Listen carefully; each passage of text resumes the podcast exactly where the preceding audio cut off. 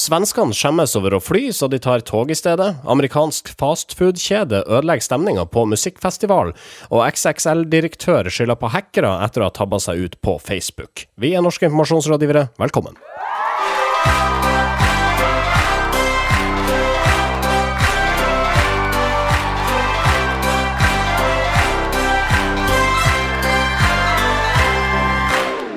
Jeg heter Marius Skjerve Staulen. Denne sendinga presenteres av medieovervåknings- og analyseselskapet Retriever. Sindre Holme, hallo. Hei, eh, Marius. God dag, god dag. Og jeg er den eneste Marius i studio i dag. Torkelsen uh, ble syk. Rest in peace. Ja. Det er i hvert fall vår tur til å skinne, og um, vi uh, irriterer oss bitte litt.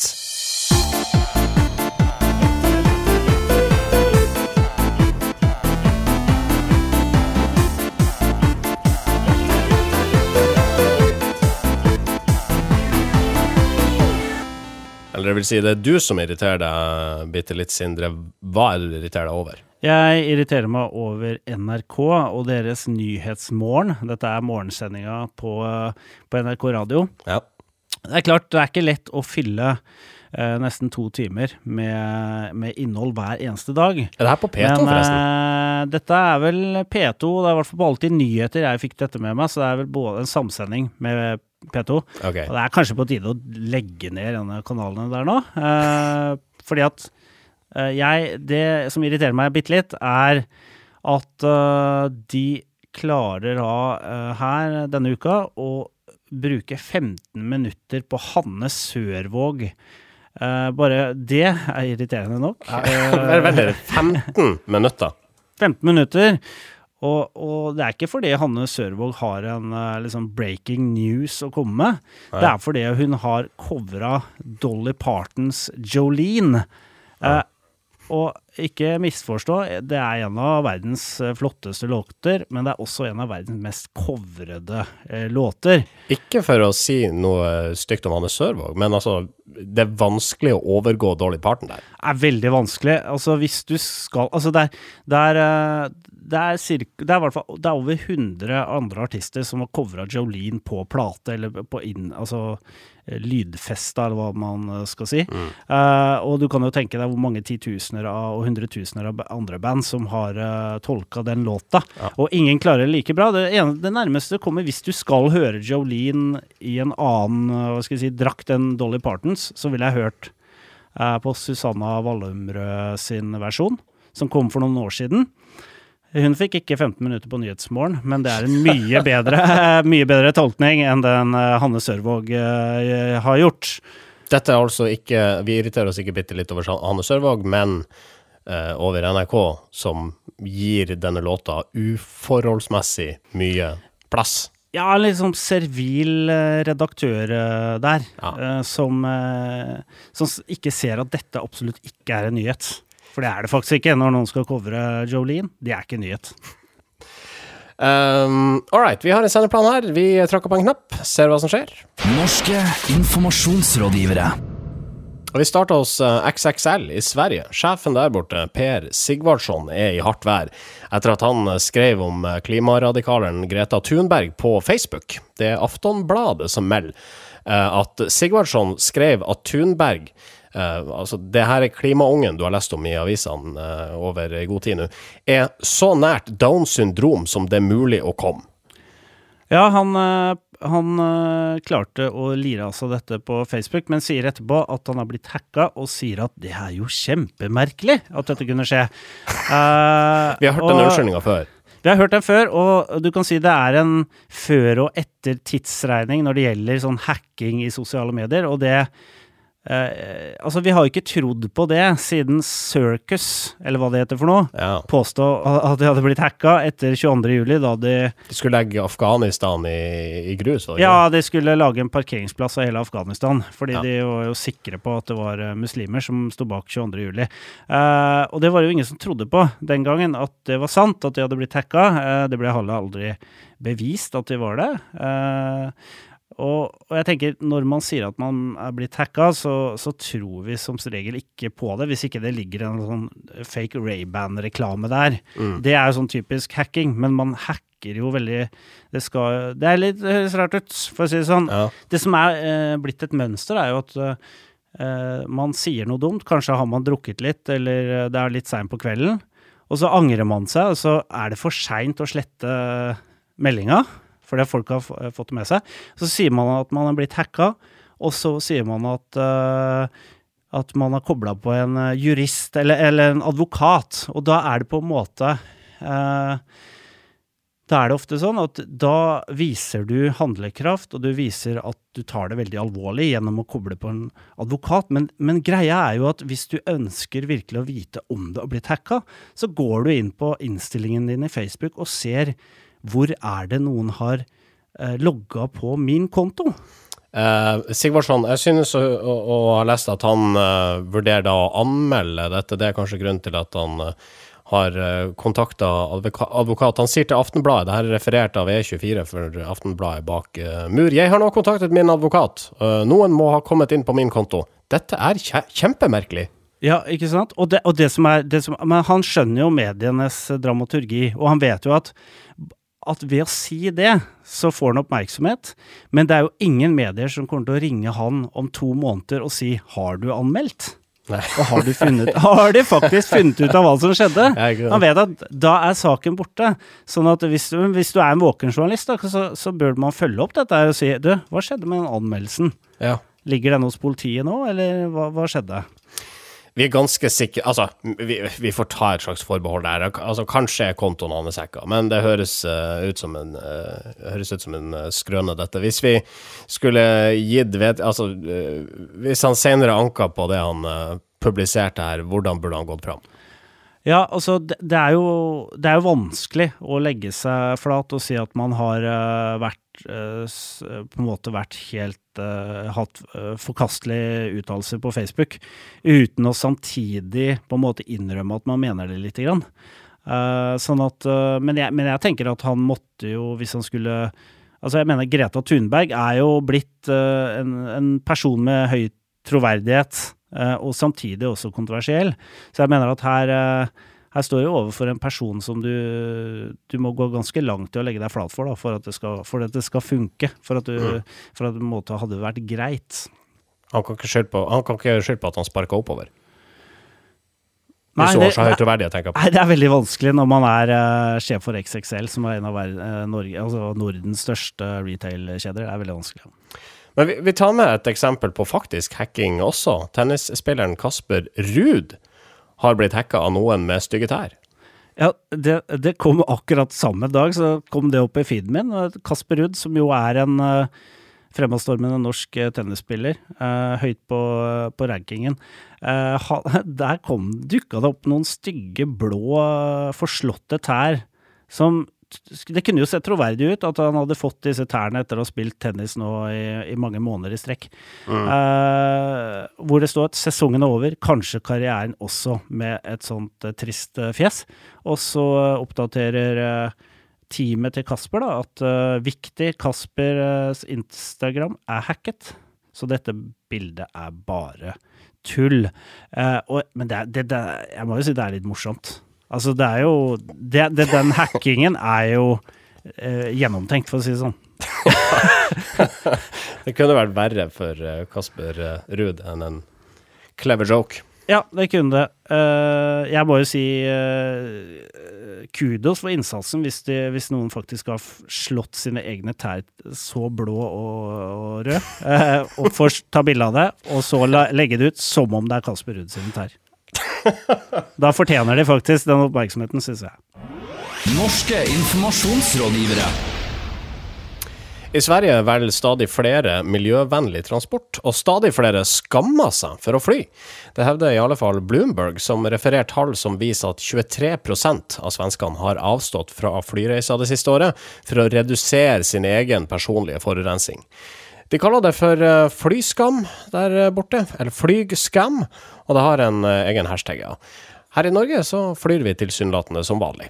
Ja, det, det er jo litt av grunnen til at vi tok med denne sendeplanen. For det virker som om sant, i, mange, i mange sammenhenger så er Norge og Sverige veldig like land. Altså, vi er eh, oppleves som, eh, som søstre og brødre. Eh, men når det gjelder akkurat miljøsaken, så er jo svenskene eh, så har jo det et mye mindre hva skal jeg si, CO2-avtrykk eh, og et eh, miljøskadelig avtrykk i atmosfæren enn det nordmenn har. Eh, og det syns jeg er interessant, eh, fordi den flyskam-hashtagen er jo virkelig i bruk i Sverige. Og det er mange unge da som bruker den. Hvordan bruker de den? Bruker de den for å shame andre, eller er det for å understreke at de sjøl er miljøvennlige? Nei, jeg syns det virker som om de bruker det for å vise at man selv er miljøvennlig, i hvert fall det jeg har sett.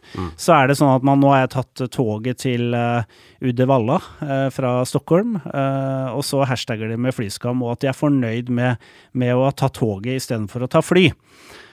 Altså jeg, tok, uh, altså, jeg har tatt opp dette med folk jeg kjenner, liksom dette med, dette med å, å fly, og at vi kanskje bør slutte å Eller at vi bør fly mindre, da. For det er et uh, For det er jo uh, Det gir et veldig mm, Ja, det gir mye utslipp. De bruker mye bensin, i flyene. ja, det gjør det, vet du. Og det, og det er et veldig følsomt tema.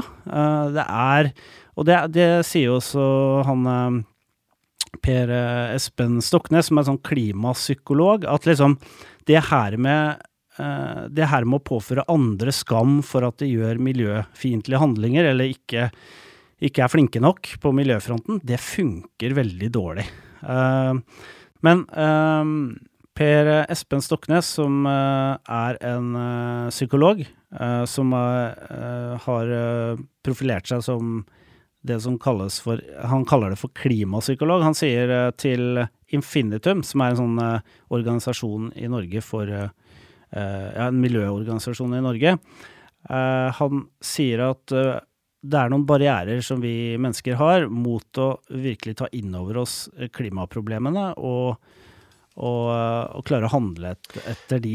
Ja, han sier at altså, klimaendringene oppleves som veldig fjern. Det er kanskje ikke så rart, da. Altså, det er jo ikke, ikke sånn at du ser dem. Det har vært et stort problem. ikke sant? Det, det er jo grunnen til at eh, plastsaken har skapt så stort engasjement, for den ser vi. vi når vi er jo bader eller er ute og fisker, så, så kan vi nesten ikke unngå å få enten plast på kroken eller se et eller annet flak der ute. Og det er så konkret. Det er så konkret. Og uh, når det gjelder uh, klimagasser, som du sier, vi ser det ikke. Men jeg tror at uh, hvis du ser på de landene som har fått til å virkelig gjøre endringer, så har du sånne steder som Kina, for eksempel. For der kveles jo faktisk folk i de store byene av, av klimagasser.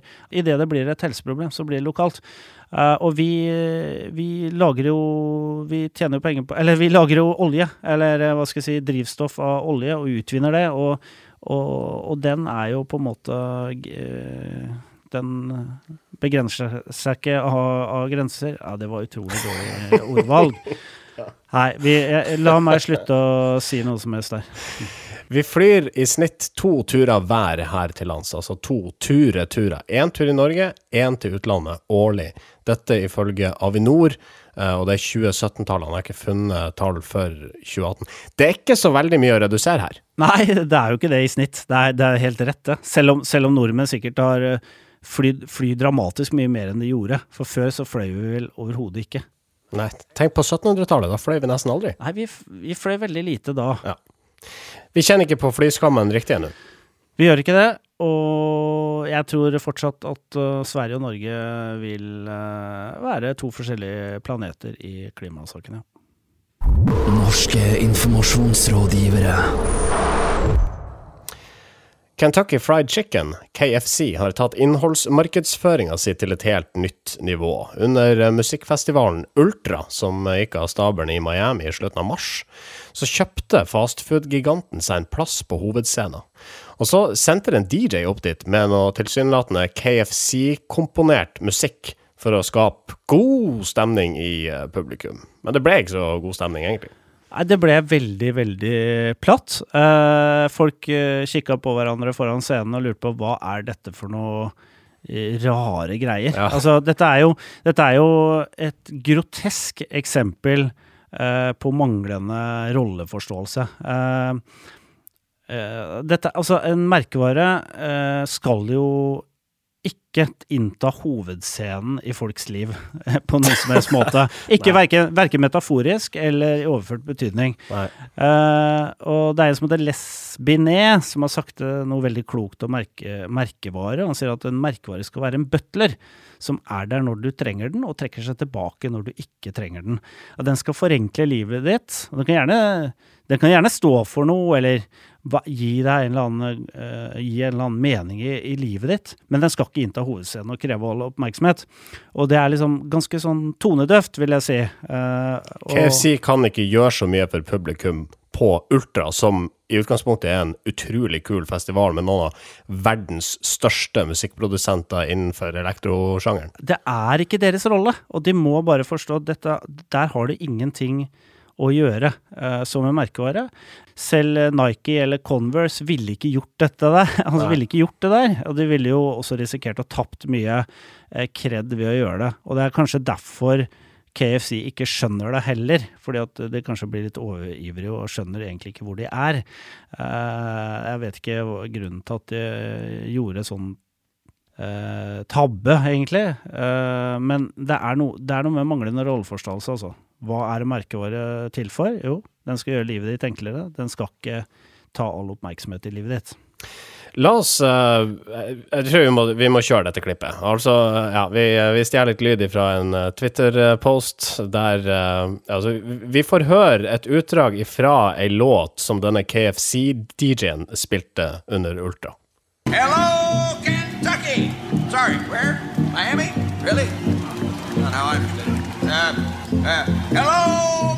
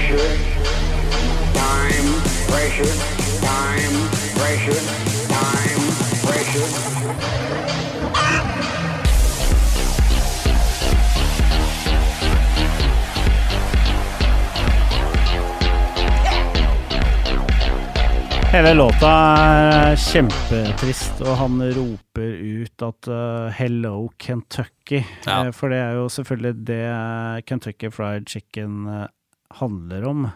Når jeg så det først, så tenkte jeg dette minner jo litt på en, eh, om en eh, kampanje jeg var med på å lage for mange år siden, for Haslund, der vi fikk det her hvitevarebandet Hurra Torpedo til å spille på brunevareinstrumenter, sånn panelovngitar og sånn.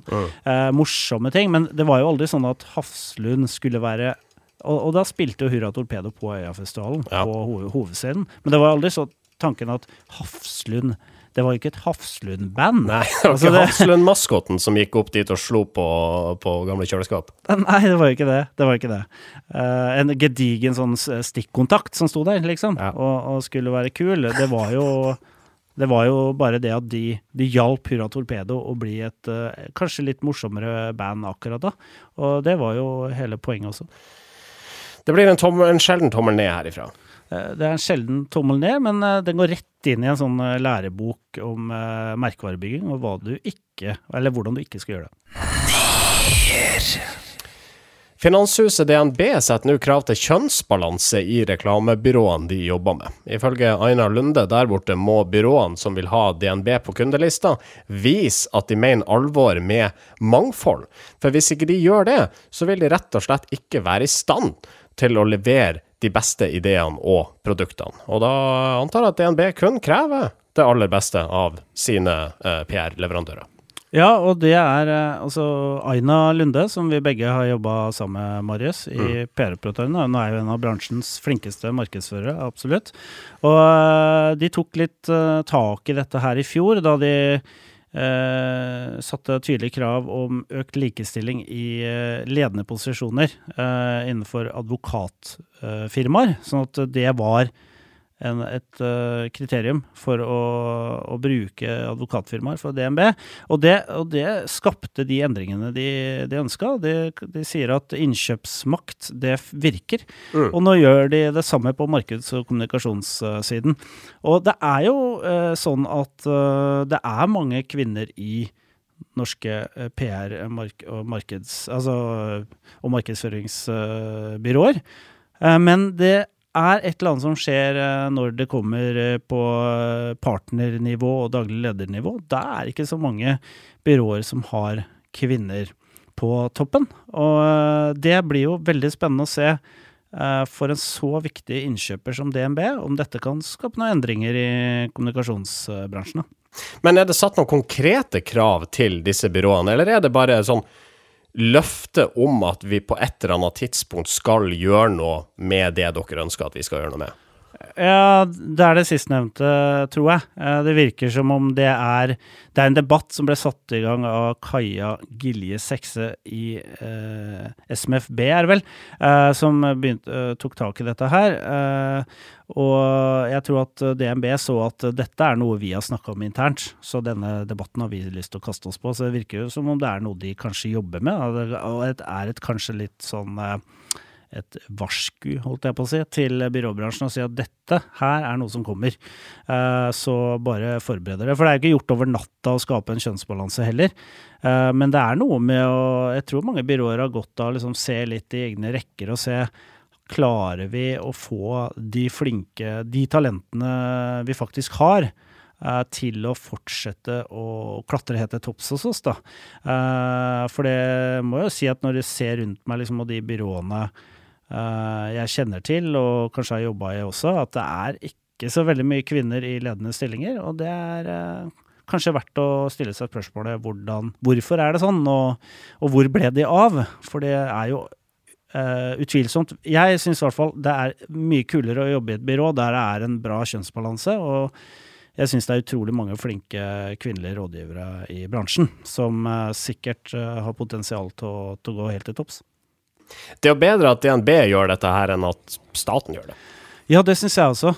Og det er Ikke sant? Og det, det er klart også Aina også, som er en av de eh, mest profilerte eh, sjefene i bransjen. Det har jo høy troverdighet, for å, for å si det. For hun har jo virkelig klatra helt til topps uh, i DNB, så jeg syns det er veldig kult.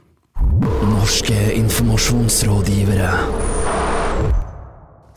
Nytt fra sosiale medier-land. Instagram eh, testa ut det å skjule antallet likes på eh, postene. We want your followers to focus on what you share, not how many likes your posts get, sier de. Ja, det er en uh, dame som heter Jane Manshun Wong, som er en twitrer som har spesialisert seg på, på å være ganske flink til å finne ut av hva som eh, Ja, altså, til å egentlig finne sånne lekkasjer fra de store tech-selskapene, for hva Ja. de uh, pønsker på, som uh, snakker om dette her, om at det kan bli realiteten, at Instagram skjuler antall likes. Og, det er jo veldig, veldig interessant, og vil jo sikkert skape masse bruduljer, særlig blant de store instagrammerne. Mm. Eh, Det blir som- vanskelig å være influenser. det blir vanskeligere. Fordi, ja, jeg tror det. Jeg tror det. Da må du jo prestere Uh, på høyt nivå, holdt jeg på å si, uh, hele tiden. For det, for det som slår meg, da, det er når jeg følger en del kjendiser og sånn på Instagram. Uh, og de får stort sett veldig mange likes. Nå er jeg ikke misunnelig eller noe sånt nå. På nesten alt de poster. Selv om det ikke er spesielt bra. Og jeg Ja. tenker at det er noe med den der effekten det, det gir en effekt at du ser at andre du kjenner har lika det. Hvis du liker det, så er du blant på en måte inne Eh, og, at, og at det er en sånn derre Ja, for det, altså, det er en sånn gruppetilhørighetsgreie der. Altså, en slags massesuggesjon når altså, man responderer på mange likes ved å klikke like sjøl. Ja, ikke sant? For man vil være en del av den triben, holdt jeg på å si. Av den gjengen som, som liker denne personen. Og da er det ikke så nøye hva den poster. Og, og så ser du jo sikkert Instagram også en eh, en um, tendens til at folk bruker stories-funksjonen i stadig større grad. For jeg, gjør det. Uh, og det er litt sånn uh, Nå er ikke jeg uh, i målgruppa primærgruppa til Instagram, men liksom, det er jo en funksjon som ligner veldig mest på Snapchat, da, hvor Mm. det er liksom sånn hvor det er innhold som forsvinner.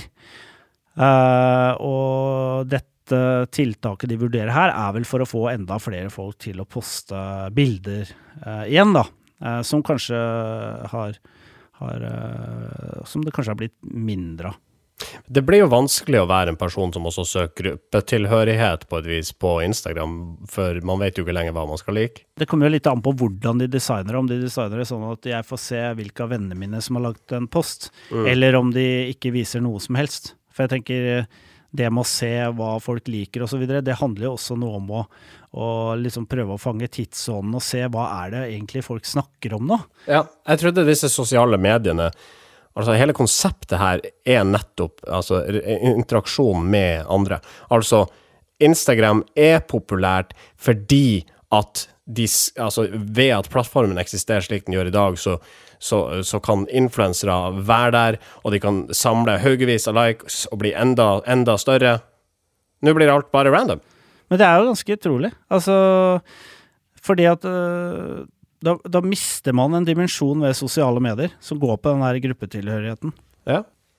Og kanskje blir det nå sånn da, hvis eh, Instagram fjerner in interaksjonene, at eh, folk blir, går rett og slett lei og begynner å møtes eh, på torgene rundt om og, og vise fram bildene sine der. Yes.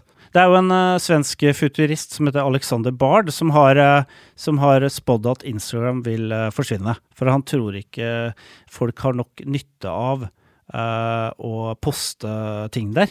For de aller fleste som poster ting på Instagram, vil ikke få engasjement. Og hvis du får den situasjonen her i tillegg, at liksom ingen ser ut til å få noe slags engasjement, da uh, blir, det, blir det dårlige greier, altså. det blir slutt da. ja, da blir vi slutt. Da tror jeg vi uh, setter en strek her, Sindre. Ja, jeg tror det er bra, jeg også. Jeg skal bli bra. Absolutt. Norske informasjonsrådgivere spilles inn i studioene til Moderne Media i Oslo, et av Norges største produksjonshus for podkasts. Du finner dem på modernemedia.no. Oss finner du på facebook.com slash nearcast. Vi eh, høres igjen, og fram til da Ha det bra. Norske informasjonsrådgivere. Moderne media.